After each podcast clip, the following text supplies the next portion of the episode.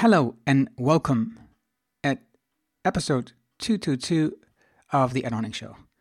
This is a Dutch podcast normally, but if you want to listen to the episode with Nathalie Nahai in English, just skip this Dutch introduction for just a couple of seconds.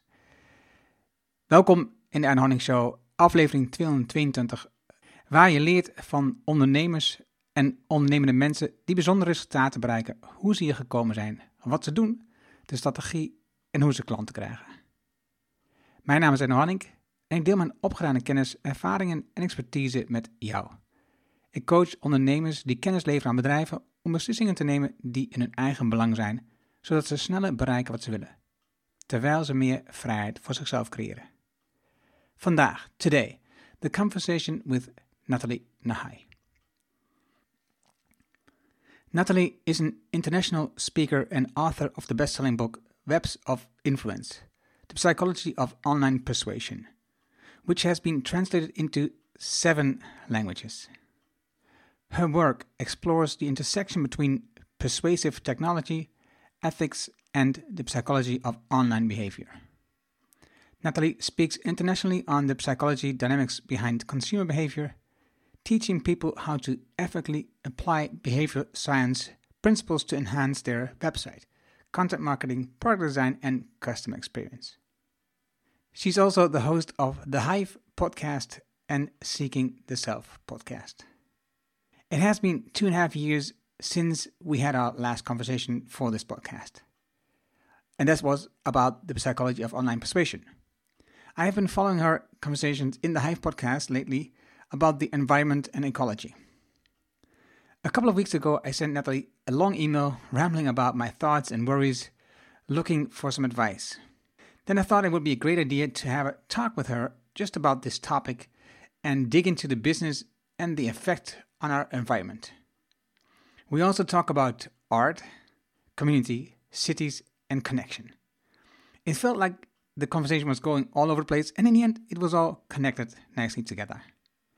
Enjoy the insights with Natalie. Let's get started.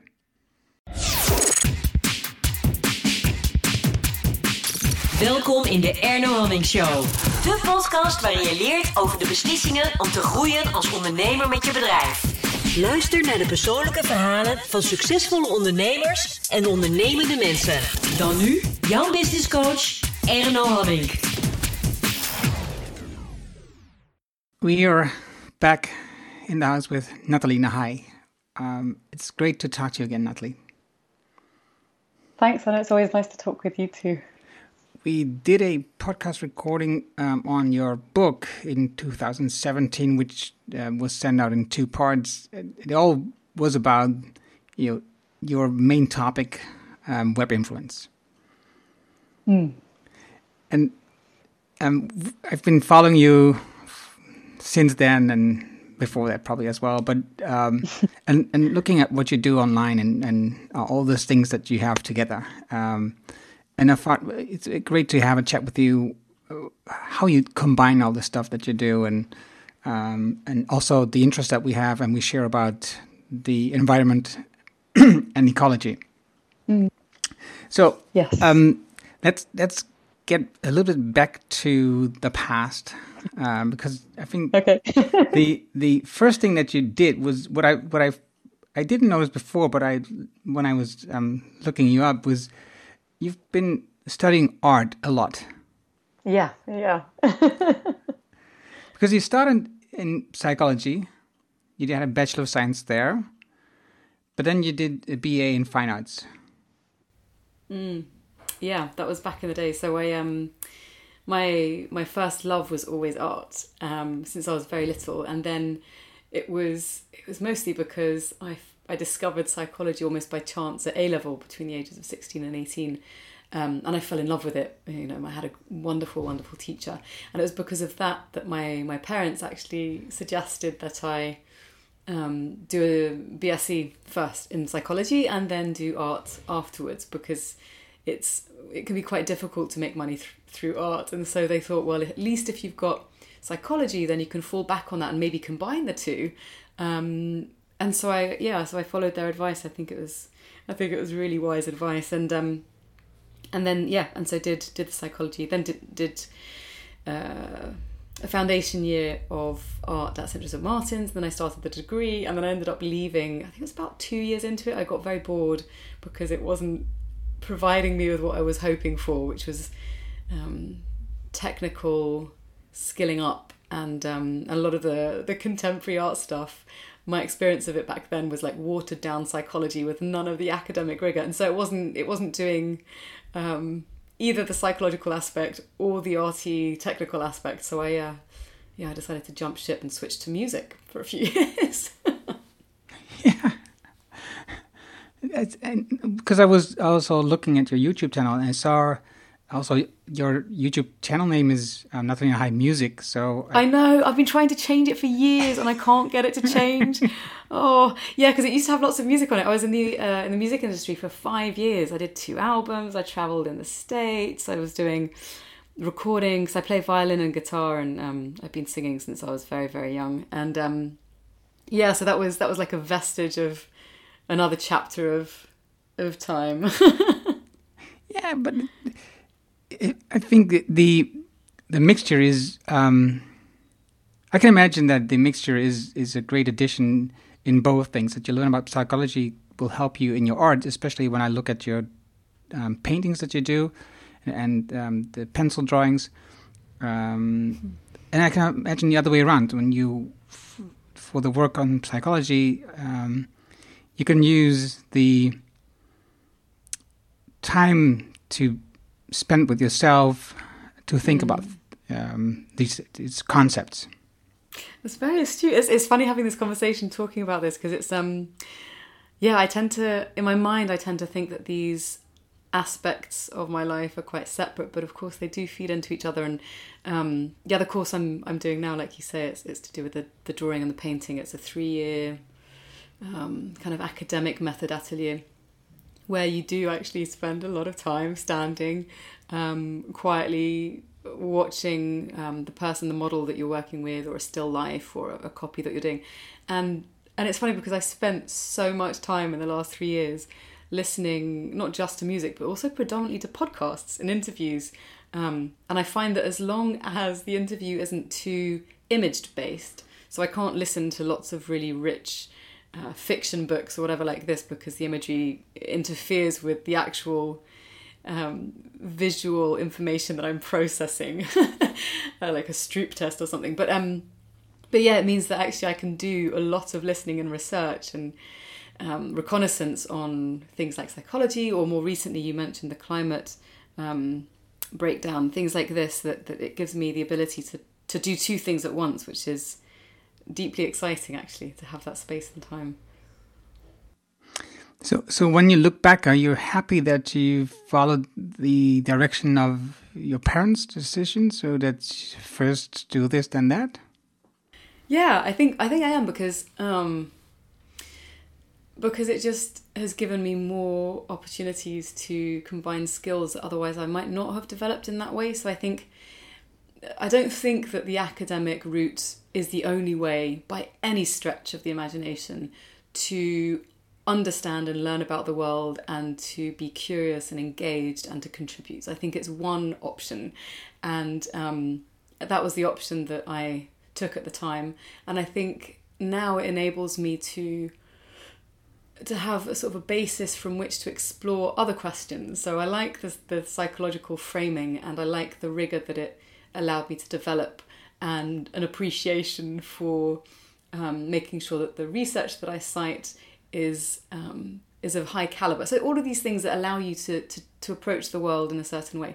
Um, but I think I think it definitely means that now I feel like I have more of a freedom. Now I've built this base to to be able to explore things that I otherwise might not have given myself permission to.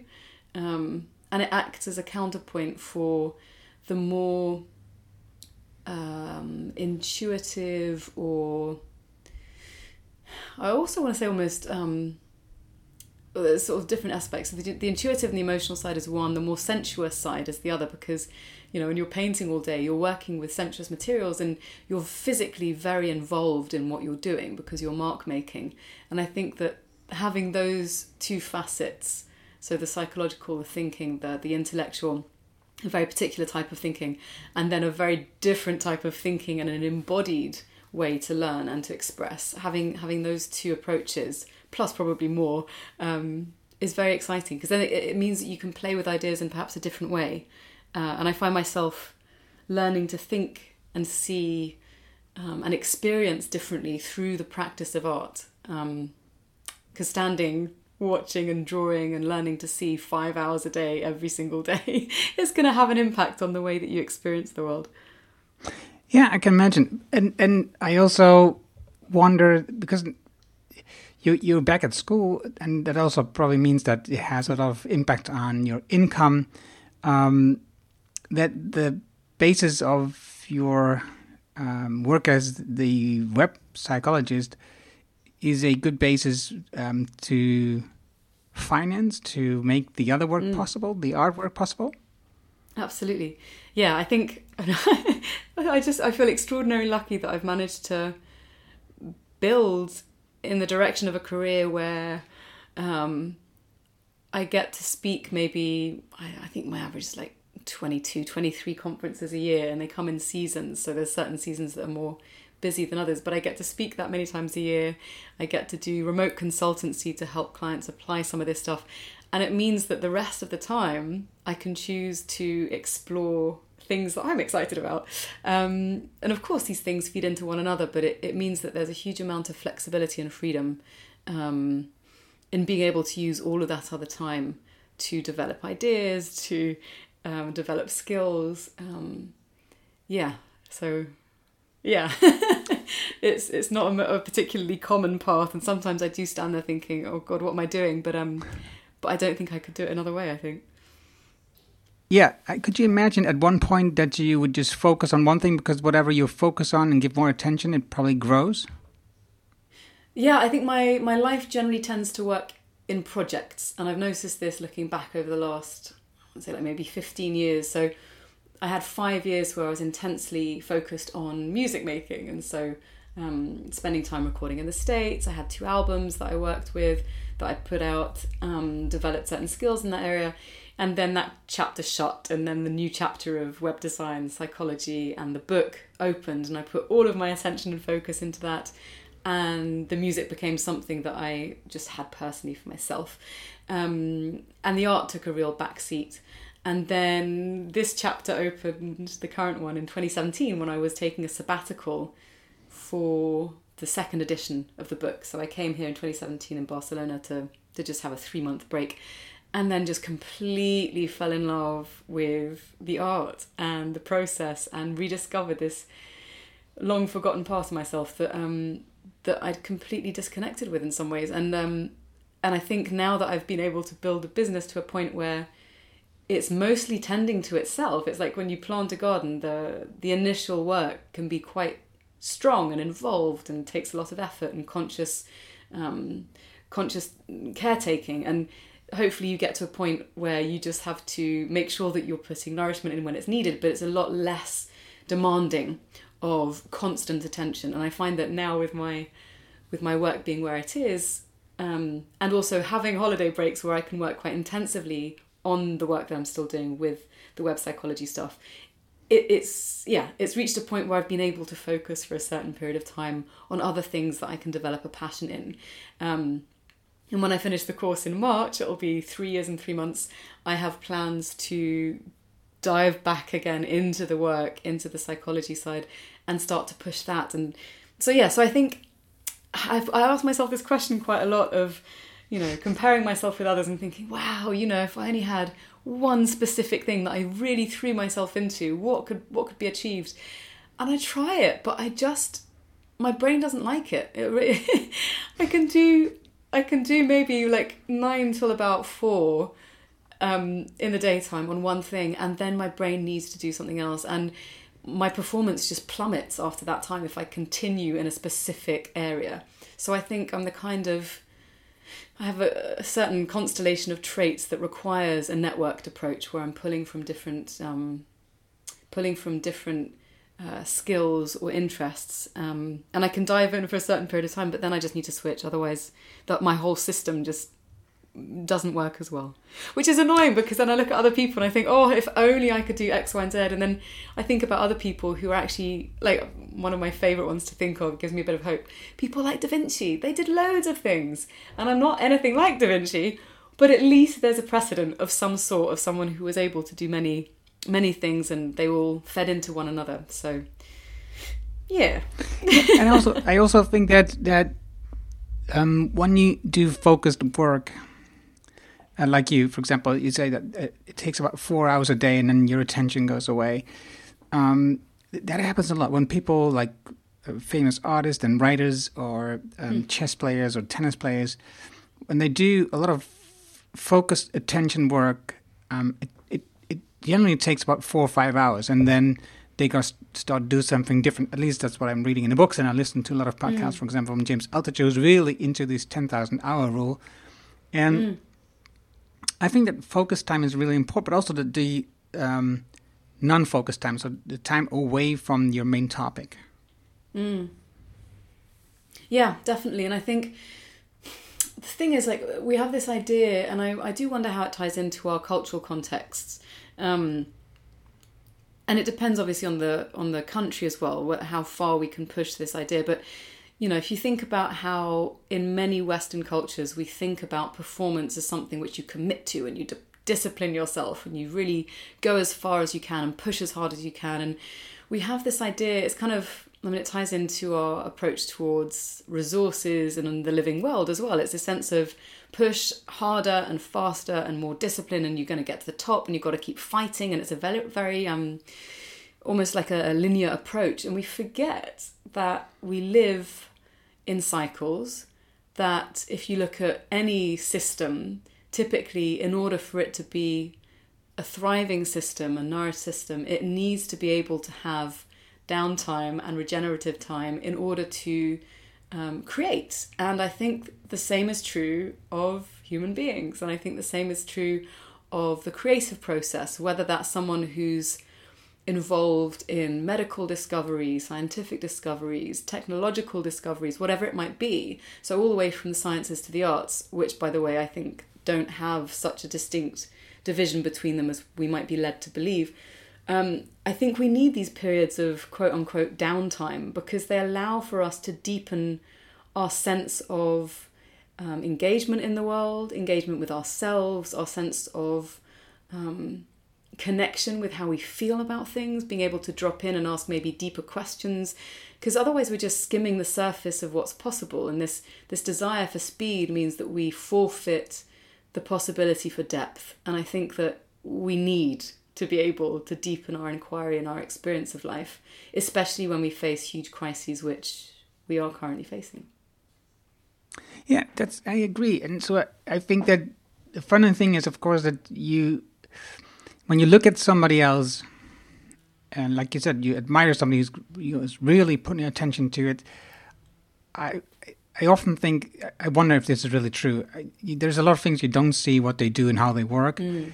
and um, and also I think if it, the way that you work is is the way that if you're an entrepreneur, or if you um, are an independent professional, this is a really great way to work. You're not working in a factory or in a building or in an office where you need to work from uh, nine to five and you need to do your stuff in those hours, which mm. probably most of the time they are just effective for also the same four or five hours, and the other workers just work to fill up the the day.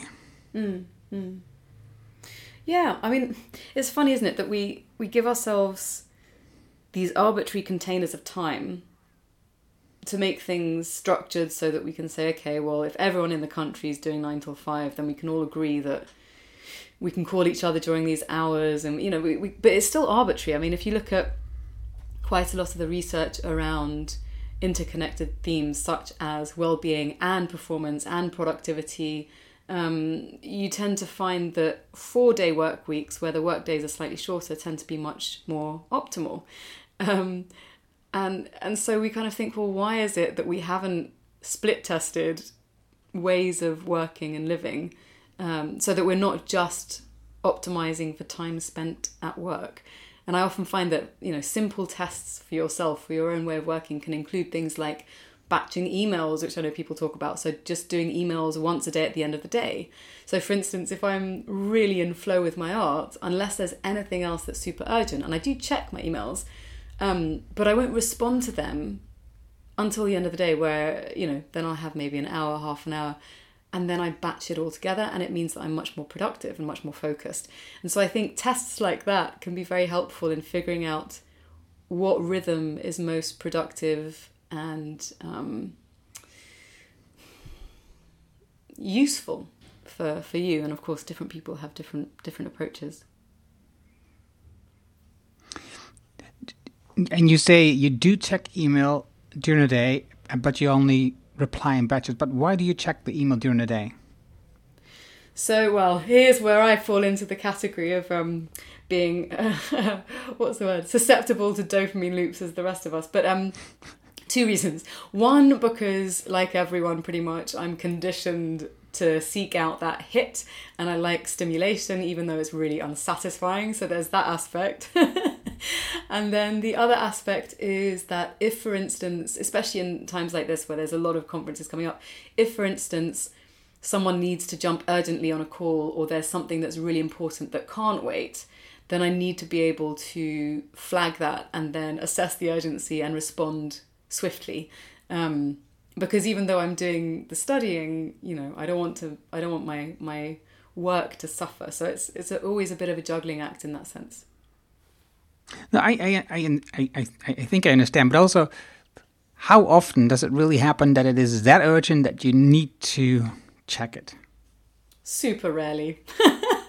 it's really I know, rare. I know that's because Yeah. because I I have these discussions with my clients and I think it's a really interesting topic because um, I you know I, I, I do the same thing. I try to make them aware of um, you know batch your the moments that you check your email and your replies. I I, I, I say do it two times a day, at eleven and four, for example. You know these are great times Right. because people are going to lunch, so they want to reply quickly to you. And um, same as um, by the end of the day, then they want to reply quickly to you before they leave the office. Um, and and if you do it that way, because because when you check email, even you don't even if you don't reply, you're distracted because if somebody's sending you a message that um, hits you or hurts you or uh, influences you emotionally, it, inf- it in- infects it affects the work that you're doing right now. Yes. You're in a creative Yes. process, it will take you like 20, 30 minutes to get back to into it. So, Mm. it, so for me, it's just, and I know I, I do the same thing. Of obviously, you know, some days are great. I, I don't do it, but other days when I'm just, you know, distracted, I just Yeah. check my email like ten times a day, and it, it it really doesn't help. Yeah, you're right. I think it's the thing of like knowing about it, and some days when you're really in a flow, being able to not do that um, is one thing. But then, yeah, like you say, sometimes we're distracted, or sometimes we're wanting something to change. I've I've noticed definitely a pattern in my behaviour in the the last three weeks. Um, so living in Barcelona at the moment, there's a lot of upheaval. There's a lot of protesting happening, um, and you can sense it. I mean, even though we're not right in the middle of it, you can sense it.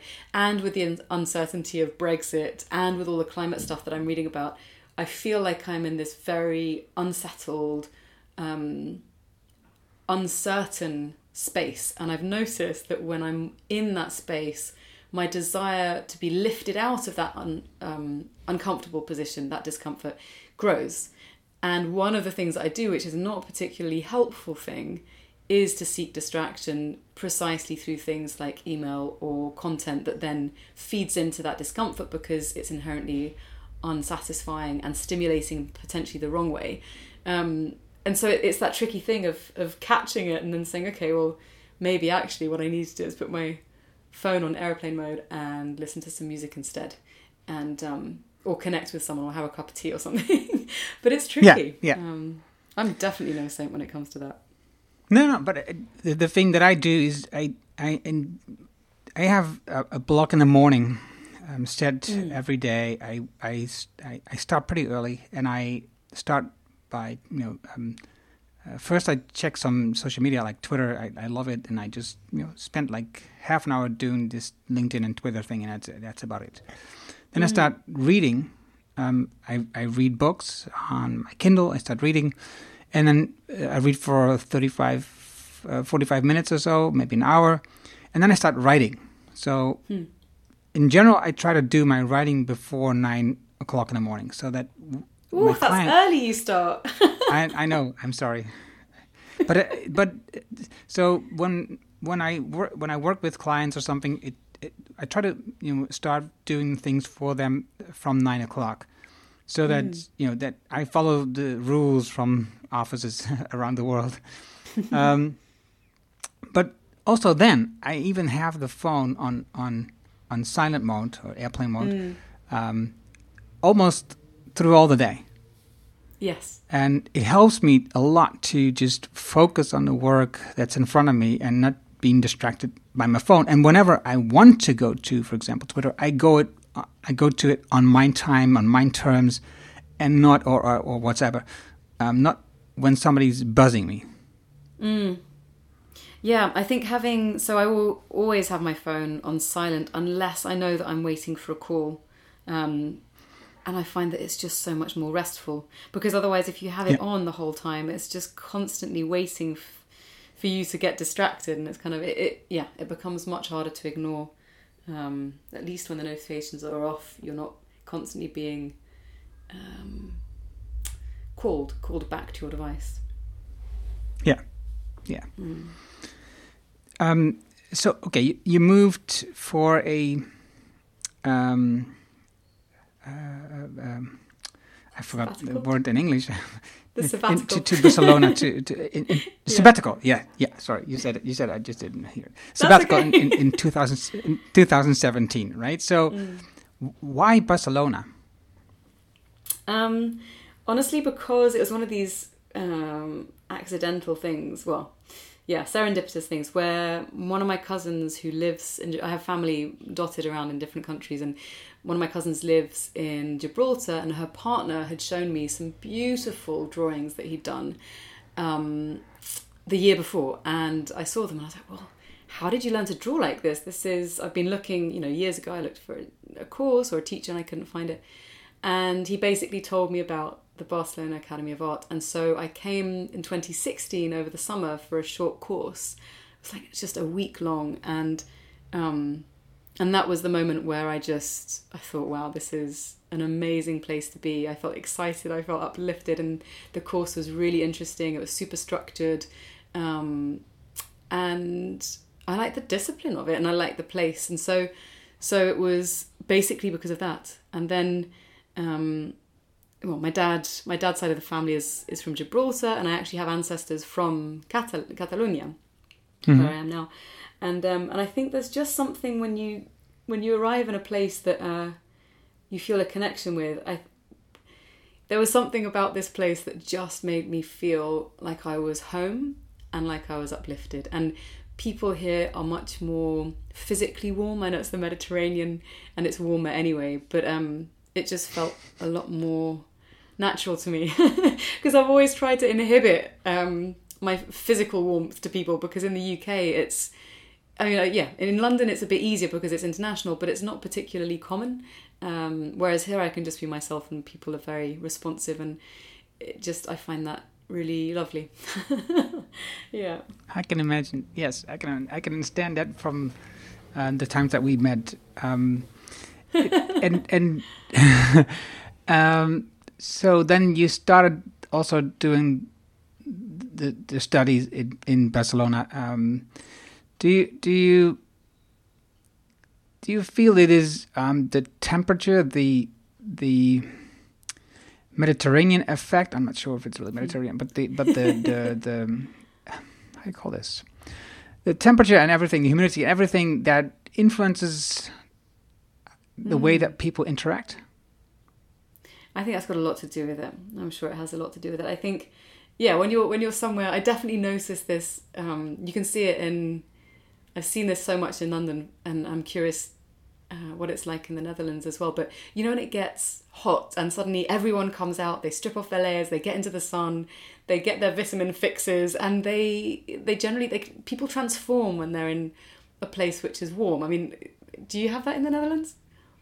Yeah, yeah, yes, yes, Yeah. we do. Um, and I remember seeing this in Berlin as well. Like, so I'm thinking, okay, all these cold countries where people are um, super efficient, super focused on work, um, not as not to, to the expense of um, of our well-being as much as in some countries, like for instance in the US, where the culture is quite different in parts.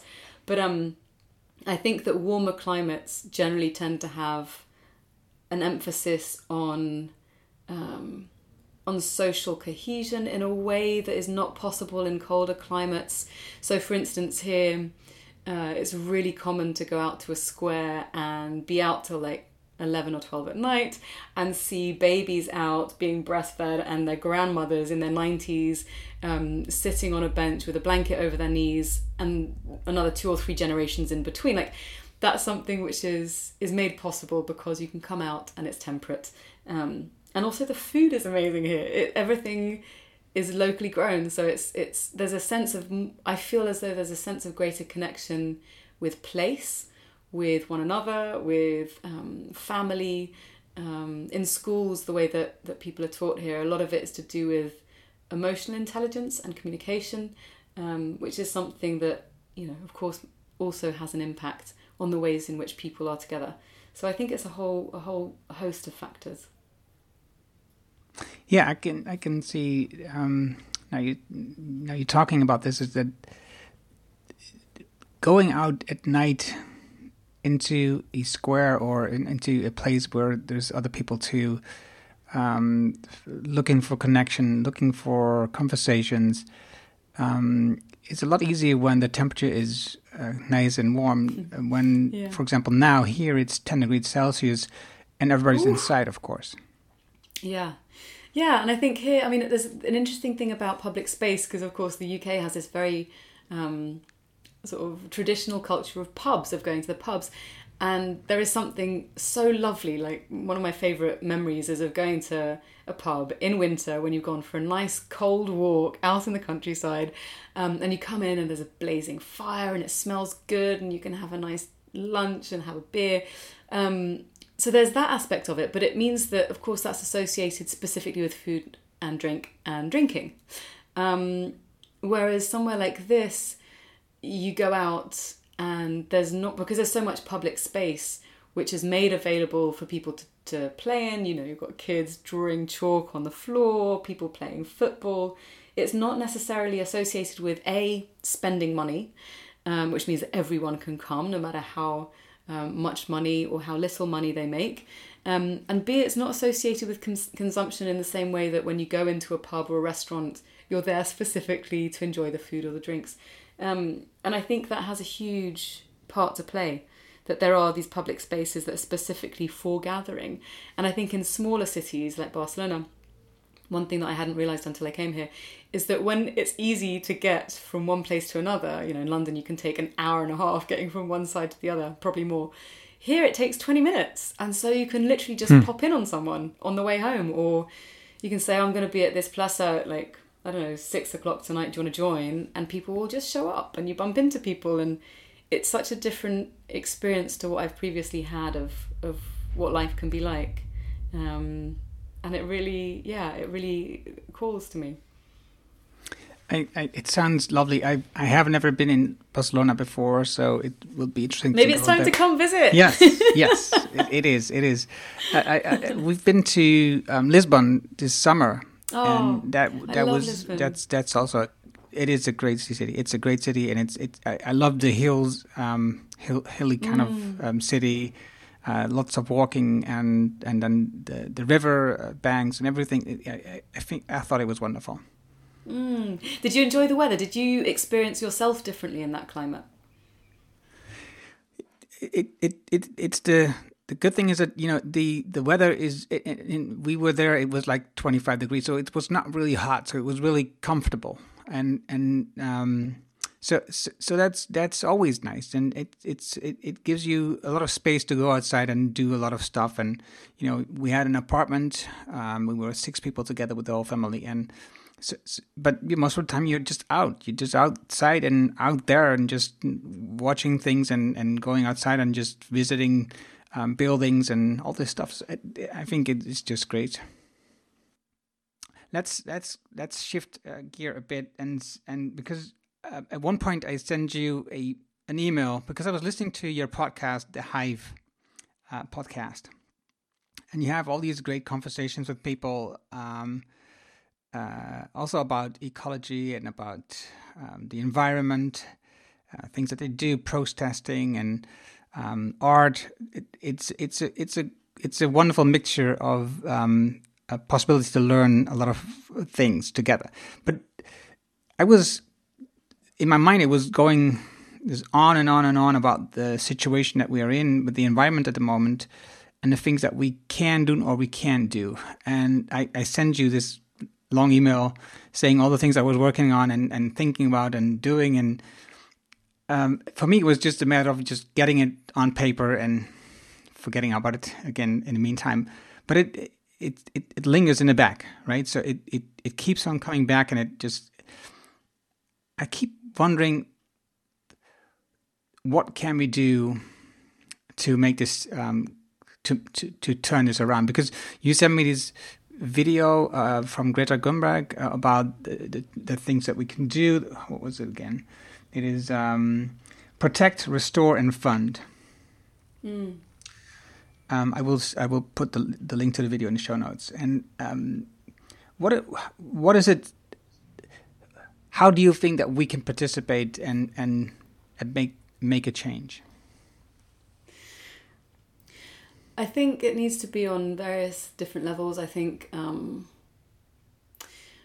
from my conversations with people who are specialized in particular areas, I have come to realize that if we are to make a big enough impact to mitigate the worst outcomes or the worst scenarios of climate breakdown, it needs to be um, an intervention which is done at speed and at scale, which means that essentially we're talking about top down changes. So, changes in the ways in which um, economies are run, changes in the ways in which we fuel our, our lives. So, you know, talking about leaving natural oils and gas in the ground, stopping fracking, investing heavily in renewable solutions, um, all of these things. But also, when you're looking at that side of things, we need to be able to apply political pressure in order to encourage politicians to make decisions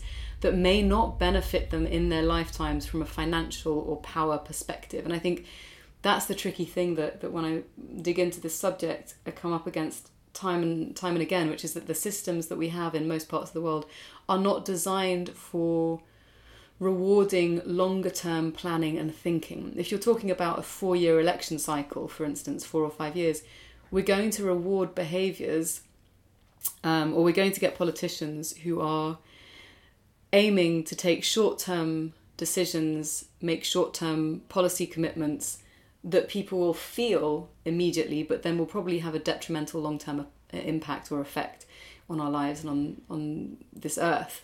And so there's there's that aspect of, of the systems change. So I think that's where some interesting um, approaches, for, for instance, the non-violent demonstrations that are happening with Extinction Rebellion, that side of things um, is really important. But from a personal perspective, I also find that for me, small changes that give me a personal sense of immediate impact that enable me to take some of the longer term um, approaches that I need are also really important because we know that psychologically speaking, it's very hard for us to take actions that have a long term reward or outcome. If there's no immediate benefit, it becomes very difficult for us to do it. So, this sense of delayed gratification. And so, I think it's important, for instance, um, I've, I've taken steps such as uh, only buying in shops that um, allow me to bring in little canvas bags that I reuse to buy my grains or to buy my rice, to not buy uh, any kind of vegetables, whatever, they're in plastic. Now, I'm lucky in Barcelona because many, many, many of the shops here are small shops, local produce. They don't have plastic anyway. So, um, and the large ones that do are now starting to realize they should switch from plastic to compostable bags, which is a fairly easy switch to make. So, I'm lucky because I'm in a context in which that's really possible. Um, and I think the other side, so I'm not, I don't really like crowds very much. I did go to a protest recently because I felt it was important to physically bring my body to show up, to take space and to, to put my body where my mind is. But I think things like this discussion that we're having now, or, you know, the Hive podcast, having conversations where people who may not otherwise access this information can be introduced to things that they could do, ways of thinking they might not have encountered. Um, for me, that's something which I am passionate about and which I feel I have a platform to be able to put to good use. Um, and it's it's a tricky one because I think on the one hand the work that I do from day to day on a day to day basis is to do with the psychology of online behavior, but there's so much more that I think about and that I feel about, and that there's so much more to me, and there's so much more to everybody else to use everyone listening than our jobs. And so I think I'm also encouraged by the possibility of maybe bringing more of ourselves into conversation, whether that's at work or in the decisions we make, you know, economically or through our the things that we consume or whatever. I think if we can take a more integrated approach where we bring more of ourselves into our daily lives, for me it feels like a bit of a risk, but the alternative is is just not worth it. So I don't know if that answers your question. I kind of feel like I'm thinking out loud as opposed to giving a concrete answer. No, no. The thing is, it, this is exactly why I wanted to have this conversation with you because I, like you said, it, it, um, you need to talk about it, and it, and it, your life is not just about about about work. So, and I also you can you can weave these things into your conversations at work or with the clients or the work that you do for clients. Um, s- and so, so this is not a normal episode in my podcast, but I think it therefore fits very well. Um, s- how how do can you use um, your knowledge about psychology and the um, remote consulting that you're doing now um, to to use this thinking um, with your clients? Is there a way that you could think about how you could use this? This is something I'm struggling with as well. For that's that's what I'm asking. Yeah. Um, I don't know. It's tricky because I think when we're doing the kinds of stuff that we're doing, it's associated with the world of work, uh, with technology, with psychology, with behavior, with marketing. Um, and at first glance, maybe it feels as though there's not an obvious connection. But I think, so for instance, one thing that I've started doing, which feels a bit like a Trojan horse in a way, like an ethical Trojan horse, um, when I talk about values or homophily, so our love of the same, or um, ways in which to communicate persuasively. Any of these themes I talk about as you know some of the, the pillars in the work that I do, and I bring in examples of brands who are doing interesting stuff in the environmental and ecological space. So, for instance, if I talk about um, an example for a brand doing great work in creating campaigns that are resonant with its target audience, I'll cite Patagonia. So they're a clothing and outdoors activism brand from the US that um, is very involved in protecting uh, the natural world. And for instance, recently in the September climate strikes, um, they actually shut down all of their stores in solidarity with the climate strike protests. And so things like that. So I find that I can weave elements of these things into the talks that I give, but then also from a more practical perspective.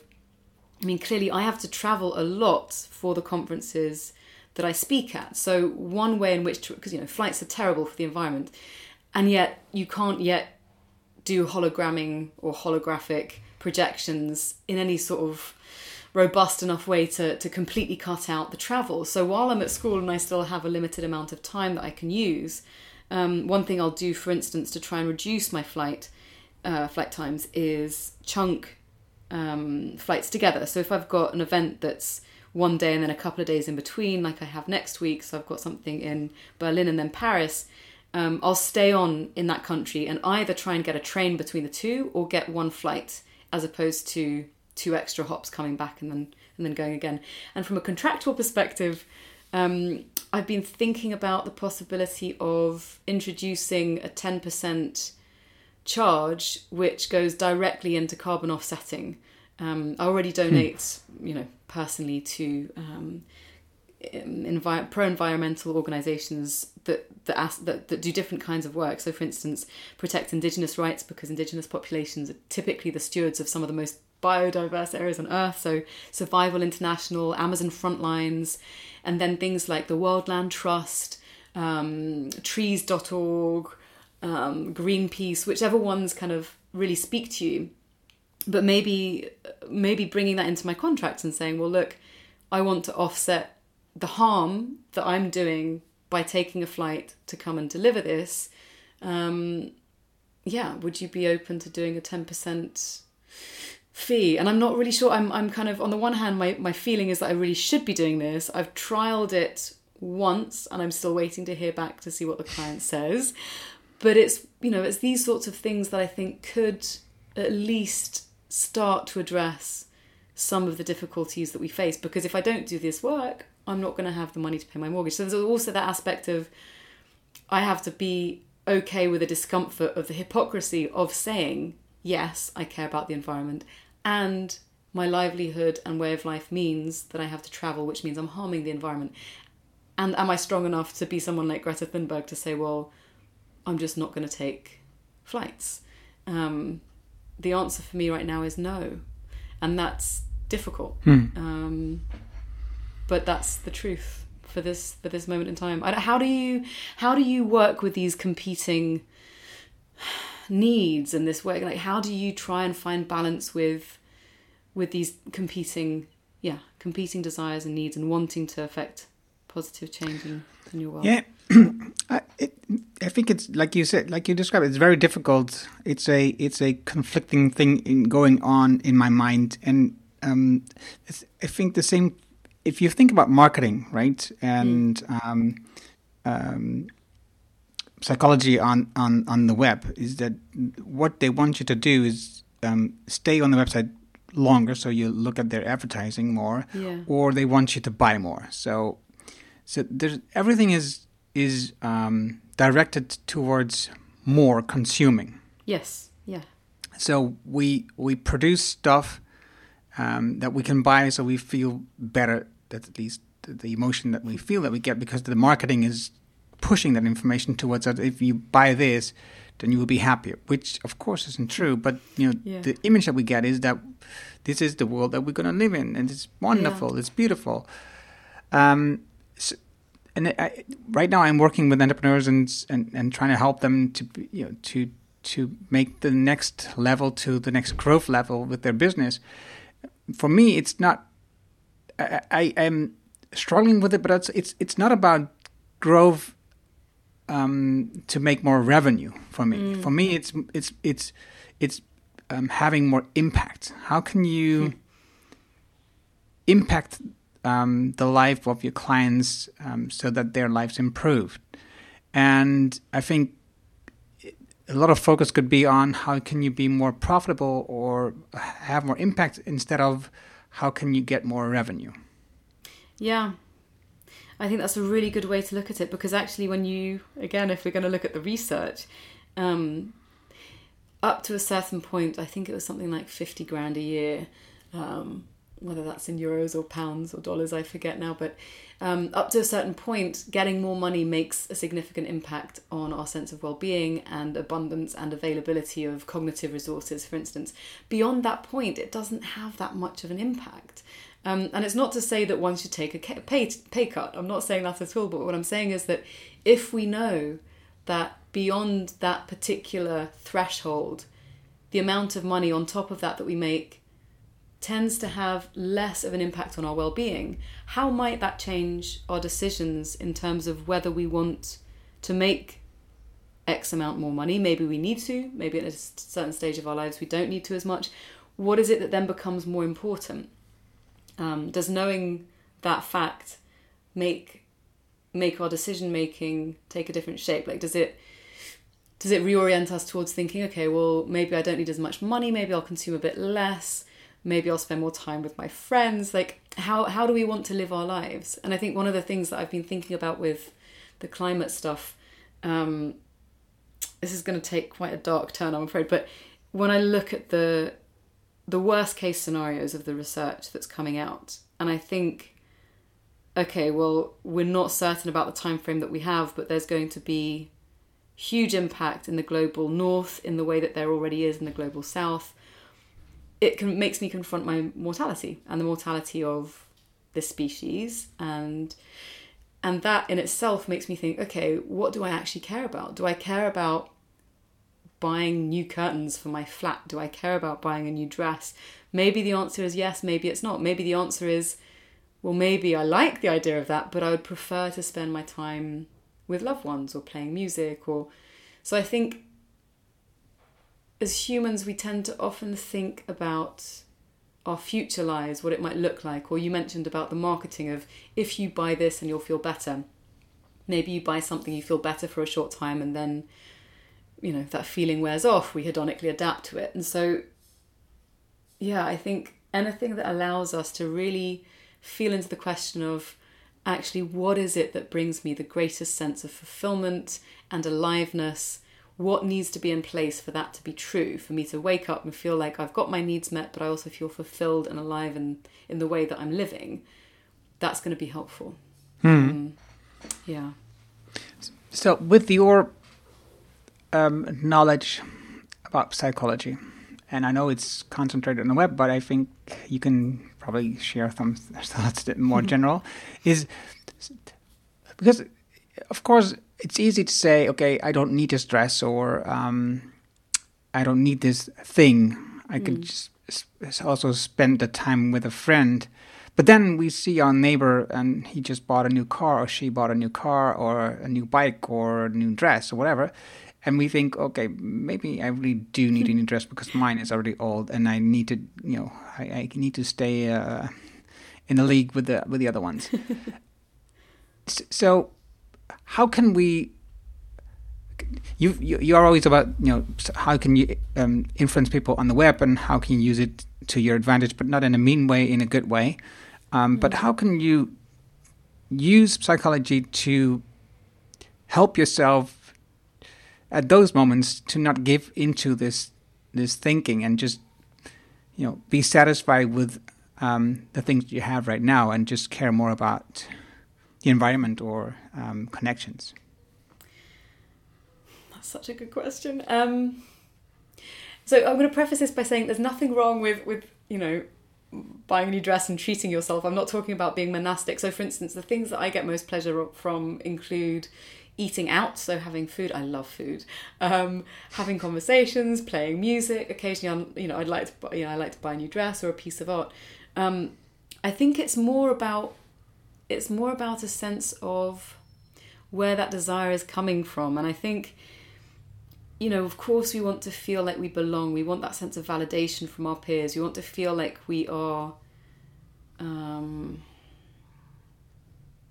valued participants in the communities in which we live. And I think sometimes one of the shadowy aspects of how we live now in the consumerist societies that we live is that the downside of consumerism is that we feel that unless we buy the new car, unless we buy that new dress, unless we show up with the Rolex or whatever it might be, whatever the the um, the item is that signals your value to others, unless we do that, then we're not worthy. I think if and we we know when we have these feelings really it, it, sort of the desire stems from a sense of discomfort as opposed to from a sense of joy um, and so i think if we think well i really want to get that because then i'll feel better about myself and we've all had these feelings i think in some way or another then maybe that's the, the point at which we give ourselves a moment to not act immediately so just in the same way that you might batch your emails and say I'm actually going to delay this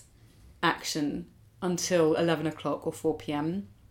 Maybe we also give ourselves the space and we go, okay, I'm going to treat myself if I want to treat myself, but maybe I delay this action until the next day to see how I feel about it then. Maybe you delay it till the morning, for instance, when we usually have more um, energy and focus and our ability to make perhaps wiser decisions is a little bit more um, nourished. So I think that's one way of doing it. And I think also just for me, this is not an easy answer to give, but changing the, the context of your daily life. So if I'm doing lots of reading and listening about the climate's um, hmm. research and the rest of it, I cannot help but be touched by it and be moved by it, and it makes all of the stuff that I might otherwise gravitate towards suddenly feel irrelevant. It's like, well, shit, do I really need a new pair of shoes? No, I don't. I'd rather buy a new plant that's going to help filter my air in my flat.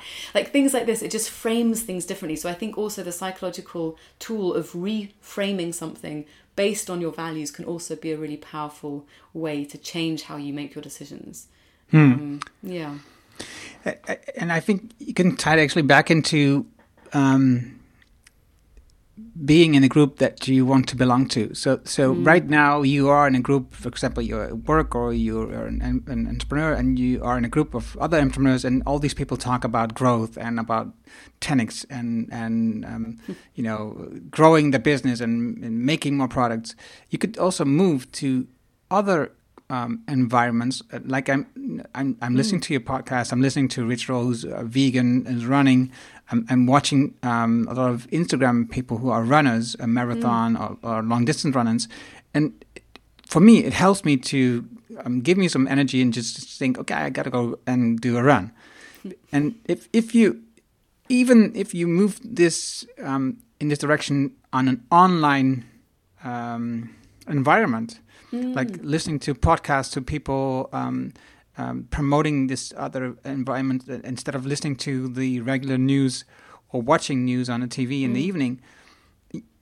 It helps you to. It helps me. Let's put it that way. It helps me to, um, um, like you said, think about: Do I need the shoes? No, of course not. I'd rather have a plant. Mm. And and if you just change the environment, I, yes, I yeah, yeah, yeah. You, you, you're going in the right direction already. I think that I think your suggestion is brilliant because this is the thing we don't have to swap our neighborhoods or make extreme changes to our lifestyle. Even just, for instance, if you're saying about you know re- listening to certain podcasts or reading certain material or following specific people, if if we know that we have certain values that we would like to live out more in our lives and the choices that we make, then changing our virtual context where we're being exposed to ideas by people whom we look up to or you know who we'd like to model some of our um, our actions on or our lifestyles on, then even that will change our context enough to create a different frame of reference where suddenly we're not just relying on physical circumstance of where we live, um, the kinds of people that are at work with us. Like we're also bringing other things into the mix. And of course, I think the other thing is is that often people are longing for a deeper sense of being met, of showing up in a different way. And as soon as you start doing this, I've, I was very reluctant initially to have difficult conversations about some of the harder things I'd read in, in the climate research with friends. And I've found that actually taking the risk with one or two friends suddenly opened up whole whole kinds of conversations that otherwise they wouldn't have had, things that they'd read that they hadn't dared to share with me um, where suddenly the whole conversation changes and the whole context changes all at once because people suddenly have a sense of being able to to contribute in a different way. And i think that also is possible. So when we talk about us changing our own context of course it's going to change the way in which we relate to other people. And that hmm. also gives other people permission to start changing how they might decide to, to, to view the world or themselves. And i think i think that's really powerful. Yes Yes, I love it. no, I, I, I agree. I think, and this is in the end, it is.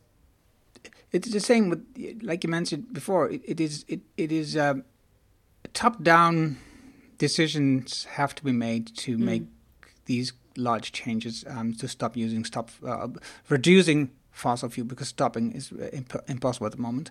But reducing fossil fuel and just you know reducing it in a in a much higher tempo that we are doing today. Mm. Um, and if we want to do that, um, we cannot just go as a single person to the prime minister or whatever person in the country, um, because then they will not listen. No, you have Mm. to talk to people around you about your thoughts and and and see if you can if they if they have the same feelings at least. Indeed.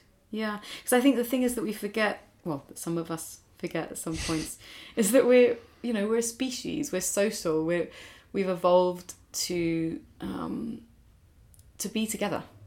And not just with one another, but also with all of the other non-human beings that we share this earth with. I mean, we we build these cities and we think that we're quite separate, but actually everything um, is connected. Uh, whether you're talking about I know, through the lens of biodiversity and the food chain to pollinators and crop cycles or whatever it is. Like, well, the fundamental is that we're all connected at some very physical, observable level. And the same is true for human systems. And if we can group together and create enough of a vocal um, demand for our systems to change so that we have more sustainable systems that are conducive to regenerative life um, for all of nature's systems, then you know we're going to be in a much much better place going forward. Hmm. This this is um. This conversation is so so interesting. Thanks, I feel the same.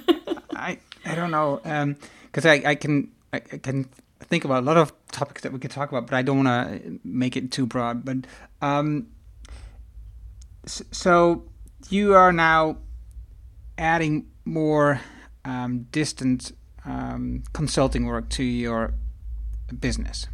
hmm H- how how do you do this? What what are the steps that you're following?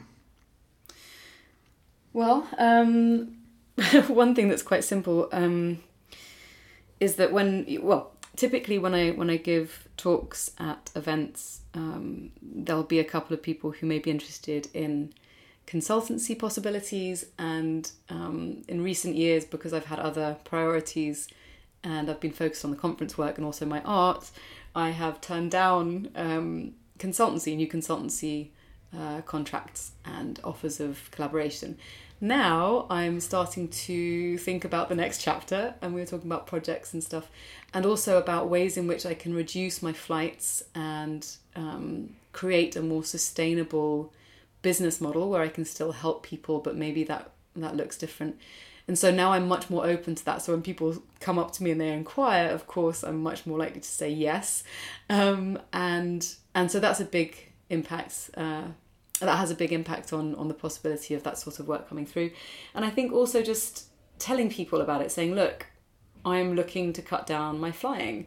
Um, I'm still interested in helping companies to use behavioral science principles to connect more meaningfully with their clients.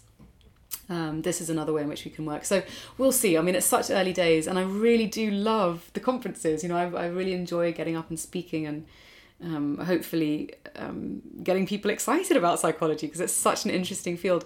So I'm not really sure quite how the future will look, but I think definitely telling people that you're open for that and then showing up and sharing with people your passion and your skill and your your ways of thinking that's that's an important way of gathering um, the potential consultancy clients that that you want. Hmm I, I've been I've been watching like companies like uh, Basecamp and um, Automattic from WordPress, how they you know are you know like mostly um, based offsite, so that all these uh, employees work anywhere in the world, and I find it fascinating how it how it works, how they get it to work. Um, I've been working since 2006. Um, more and more, I've I've I've um, gotten back into my cocoon on my in my office in my home, so I could stay with my family and, and watch my children grow. Uh, By that, they are now 20 and 23. So I had a feeling last one and a half year that it's for me it was time again to move outside and meet people again and just meet them in person. yes Um, so so I wonder how you how you will how you will combine this because I can understand that um, your love for the conferences is when you meet people when you can talk to them after your talk and um, up front you can meet people that oh sorry I think I've lost you. Yeah. Say that again. Yes, I'm. So I can understand when you're at conferences and uh, when you are meeting people, um, you talk to them and you have connections, and at the same time, you want to try to build um, uh, remote work, um, consultancy work, where you don't meet the client, where you just meet them on Skype. Um, for example, I've all the podcast interviews um, I've done recently are all in person. So you are one of the few who are on Skype because there is a different connection when you when you sit across each other on the tape at a table Yeah. and have a conversation than like this. And it comes close, but it's not the same. Yeah, it's true. Now I, I wonder how you how you how you want to bring that same feeling and, and get the connection with the client on your consultancy work. Mm, that's such a good question. I don't know is the answer. I'm sorry, I, I'm just really interested. I, I don't want to interrogate you. I'm just really interested in this topic. No, it's such a good, but I think it's a really important question, and I absolutely agree with you that um, meeting in person, physically being present with someone, is so much more rich than being um, than being on the other side of a screen. It is. Um, so I don't have an answer for that. I think if we know that being physically present with someone else is so much richer than being on the other, the other side of the screen, then of course that's what we're going to want to go for. Um, but I think that the tricky thing is, is that because we have a current um, system in which, you know, until recently and still now for the fos- short foreseeable future at least, it's very easy for us to live internationally and to physically show up on someone's doorstep, even if they're, I don't know, 11 hours flight away uh, in Los Angeles or whatever. Um, of course, we have a hardwired preference for that, most of us, most of the time. Um, so I don't know. I mean, I think my sense is that the kind of work that I'm doing now is going to shift anyway. I don't know in what direction exactly. I think that um, this some of the stuff that I'm exploring with the arts, with physical connection, um, with well, also the music side of things, also the ecological side of things. It's making me yearn for um, more direct connection with others while at the same time not wanting to fly. And I also think that the challenges that we're seeking to address now in business, which rely on things like behavioral science to encourage us to, I don't know, optimize things in a certain way so they work better. I think the priorities that we have now are not necessarily going to be the same priorities we'll see in two, three, four, five years' time. And so I think I honestly I think that the nature of the work that I'm doing is going to change fundamentally. I think the nature of the work that you're doing sounds like already it's changing that you're taking a much more relational approach and that of course is going to shape what kind of work you end up um, directing your efforts towards. So it may be that you end up doing much more locally concentrated networked work where you're working with people closer to you and wouldn't that be amazing? Um, no, I, I, I yeah. that's what I'm, I'm thinking about this because, um, like, there is a trend, of course, that cities becoming larger and and um, people are attracted and moving towards cities, and um, and and before we talked about that, you know, the uh, you you mentioned the number fifty thousand. Um, uh, what you need, and, and above that, you will be happy, but not as um, as significant as uh, when you're below that. And if you're in a city, it is the life is much more expensive. so, and there's a lot more people around you that you want to kind of compete with, or you are in competition with. yeah. Wouldn't wouldn't the opposite trend be would be better for the world? That is that we just live in smaller environments, in smaller um, um, s- towns, and villages, and and places, um, and and find the work there, and find the clients there, and find the needs there, and and gr- grow your own food and all this stuff. It is, I think, that is, like you said, the art. Um, is also it's also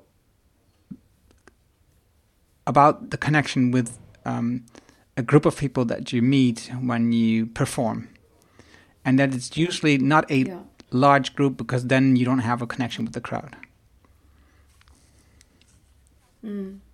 Yeah, I mean, I think if you look at the, so there's some really amazing initiatives that have been going for quite some time Um, if you look at initiatives around transition towns, which was actually started, I think, in the UK, um, or some of the work that's being done on biomimicry, so using technology to mimic natural systems um, and looking at ways in which to use that to create microgrids for, for instance, um, electricity, or you look at permaculture models of cultivation where you are seeking to create systems which are regenerative, so food production which is regenerative, which, which helps restore land while also having multiple other benefits for other systems. Um, so both for humans, for agriculture, for um, wildlife, etc., etc. So there are lots of initiatives precisely looking at um, the possibilities for scaling down and creating smaller networked communities which I think is definitely one option. But then also some of the stuff that I've been reading about, if you look at the potential for greening cities, for the ability to cover. I mean, if you look at places like Singapore, this is already happening in parts of the world. Or there's an um, an architectural project in Italy, I think it was in Milan, where they basically created these green skyscrapers where um, they they integrated trees and shrubs and they into the building itself, and they were able to attract huge numbers of nesting birds, of bees, of pollinators. So there is a huge potential in the built environment in cities for radically transforming how we live um, and for creating s- sort of structures that are much more resilient to climate change. And so there are there are many different ways of approaching this from what I can tell and I think I think we have to be open to what solutions there might be and then figuring out on a personal level what kind of environment we might most like to be a part of and to contribute towards. Um, yeah and I'm also just conscious I've, I've got a flight to catch tomorrow and, and I'm going to have to leave soon to be able to to eat and pack. Um, how are we yeah, doing no, timing at your end? Yes, are we, are. We are. We are because we could we could talk for for a long time. but the next time we will. Yeah, and the next time we, when we will talk, we will be sitting across from each other on a table at a table, um, meeting in person. That's for sure. Oh, I'd love um, that. I have I have like two two questions. Um, um, so what is and i borrow these questions from um, tim ferriss but what is the book that you've mm-hmm. been giving away um, the most lately or uh, are mostly impacted by oh can i give you yeah of I course no, no, no, it doesn't one okay so there was one that came out fairly recently called How to Change Your Mind The New Science of Psychedelics, which is by Michael Pollan, which I highly recommend. It's brilliantly written. Um, another one which personally deeply moved me was um, a book by the mythologist and psychologist Dr. Sharon Blackie, who I also interviewed for the podcast, and it's called um, The Enchanted Life. Um, and that one I found absolutely wonderful. And a third book, which has just come out, which I am devouring, is Philip Pullman's new book um, called The Secret Commonwealth, which is the second in a trilogy that comes after um, his first trilogy, which he wrote many years ago. Um, so I definitely recommend wow. those three books. That's yeah. good. That's interesting. okay, what is the podcast that you listen to the most that you don't miss an episode of? On Being by Christopher. On Being, okay. Interesting. Never heard of it. So that's this is all great because I I haven't heard these titles before. I haven't uh, listened to this, so I, new things on my list. That's just great. Um, before we go, um, what is what is it where people can reach you, can find you, can learn more about you? So you can go to nathalienahai.com um, I have literally just updated my website. It went live yesterday, so you can check that out. Um, you can find the Hive podcast if you search the Hive podcast and my name. It will come up on Spotify and iTunes and SoundCloud. Um, and then I'm somewhat active on Twitter. I've taken slightly a step back from social platforms so I can focus on other things. But yeah, so I'm I'm on Twitter and for my art and poetry type side of stuff. Um, I use Instagram yes. for that. So I think. I yes, think if you're interested in art, just really, really follow her Instagram. That's really lovely to see her drawings and paintings. Um, Nathalie, thank you, thank you, Thank thank you. very much for this um, broad discussion that we had because this was something I needed at this point, and um, hopefully, when you're listening today, this is something that you need or and are willing to talk to about other people because that's what we just talked about. I think it is important that we talk about these issues and and share uh, the ideas with the other. Like Nathalie said before, when I talked about this with my friends, I learned about how they thought, and we came closer than we expected. Um, thank you, uh, Natalie, and talk to you next time. Thank you so much for having me. Dat was het bijzondere gesprek met Nathalie. Ik hoop dat je het net zo waardevol als ik vond om ja, samen na te denken over hoe beïnvloedt nou eigenlijk ons doen en laten en ons bedrijf en ons ondernemerschap ehm, de ecologie, eh, de- de- het milieu en wat kunnen we daaraan doen. Je vindt de namen en links die we noemen in het artikel dat bij deze uitzending hoort. Ook bijvoorbeeld de links die ze geeft naar de organisaties die zij ondersteunt. Ga daarvoor naar ernohanning.nl slash show 222. Wil je vanzelf automatisch de volgende aflevering van deze podcast op jouw telefoon krijgen? Dat kan en als je een iPhone hebt is het heel simpel. Dan is het namelijk standaard de Apple Podcast app op je telefoon. Open deze app, zoek op de Ernohanning Show en je vindt hem. Klik wat plusje. Vanaf dat moment krijg je vanzelf de volgende afleveringen. Heb je nu een Android-telefoon? Ook simpel. Installeer een podcast-app zoals die van Player FM. Zoek de Ernohanning Show op. Klik op plusje, abonneer en vanzelf krijg je de volgende afleveringen. Dankjewel alvast. Het is super fijn dat je dat doet. Heb je vragen, opmerkingen, reacties over deze aflevering met Nathalie of over de podcast in het algemeen? Stuur dan een e-mail naar podcast.ernohanning.nl. Ik hoor super graag van jou. Wil jij weten hoe je meer rust krijgt terwijl je er eigenlijk helemaal geen tijd voor hebt? Hoe je ruimte vrijmaakt om meer te werken aan je bedrijf in plaats van in je bedrijf? Hoe je het netto resultaat van je bedrijf verhoogt zonder harder te werken? Vraag dan het gratis boek Betere Beslissingen, Beter Bedrijf aan op ernohanning.nl. Dit is mijn nieuwste boek. Je krijgt het helemaal gratis. Zeker als je de digitale versie downloadt. Wil je het fysieke boek, dan krijg je het boekje nog steeds gratis, maar betaal je alleen de verzendkosten. Vraag jouw boek nu aan op ernohanning.nl. En je leest het in één avond uit. Zo'n dun boekje is het. Dankjewel en graag tot de volgende. Dankjewel voor het luisteren naar de Erno Hanning Show op ernohanning.nl.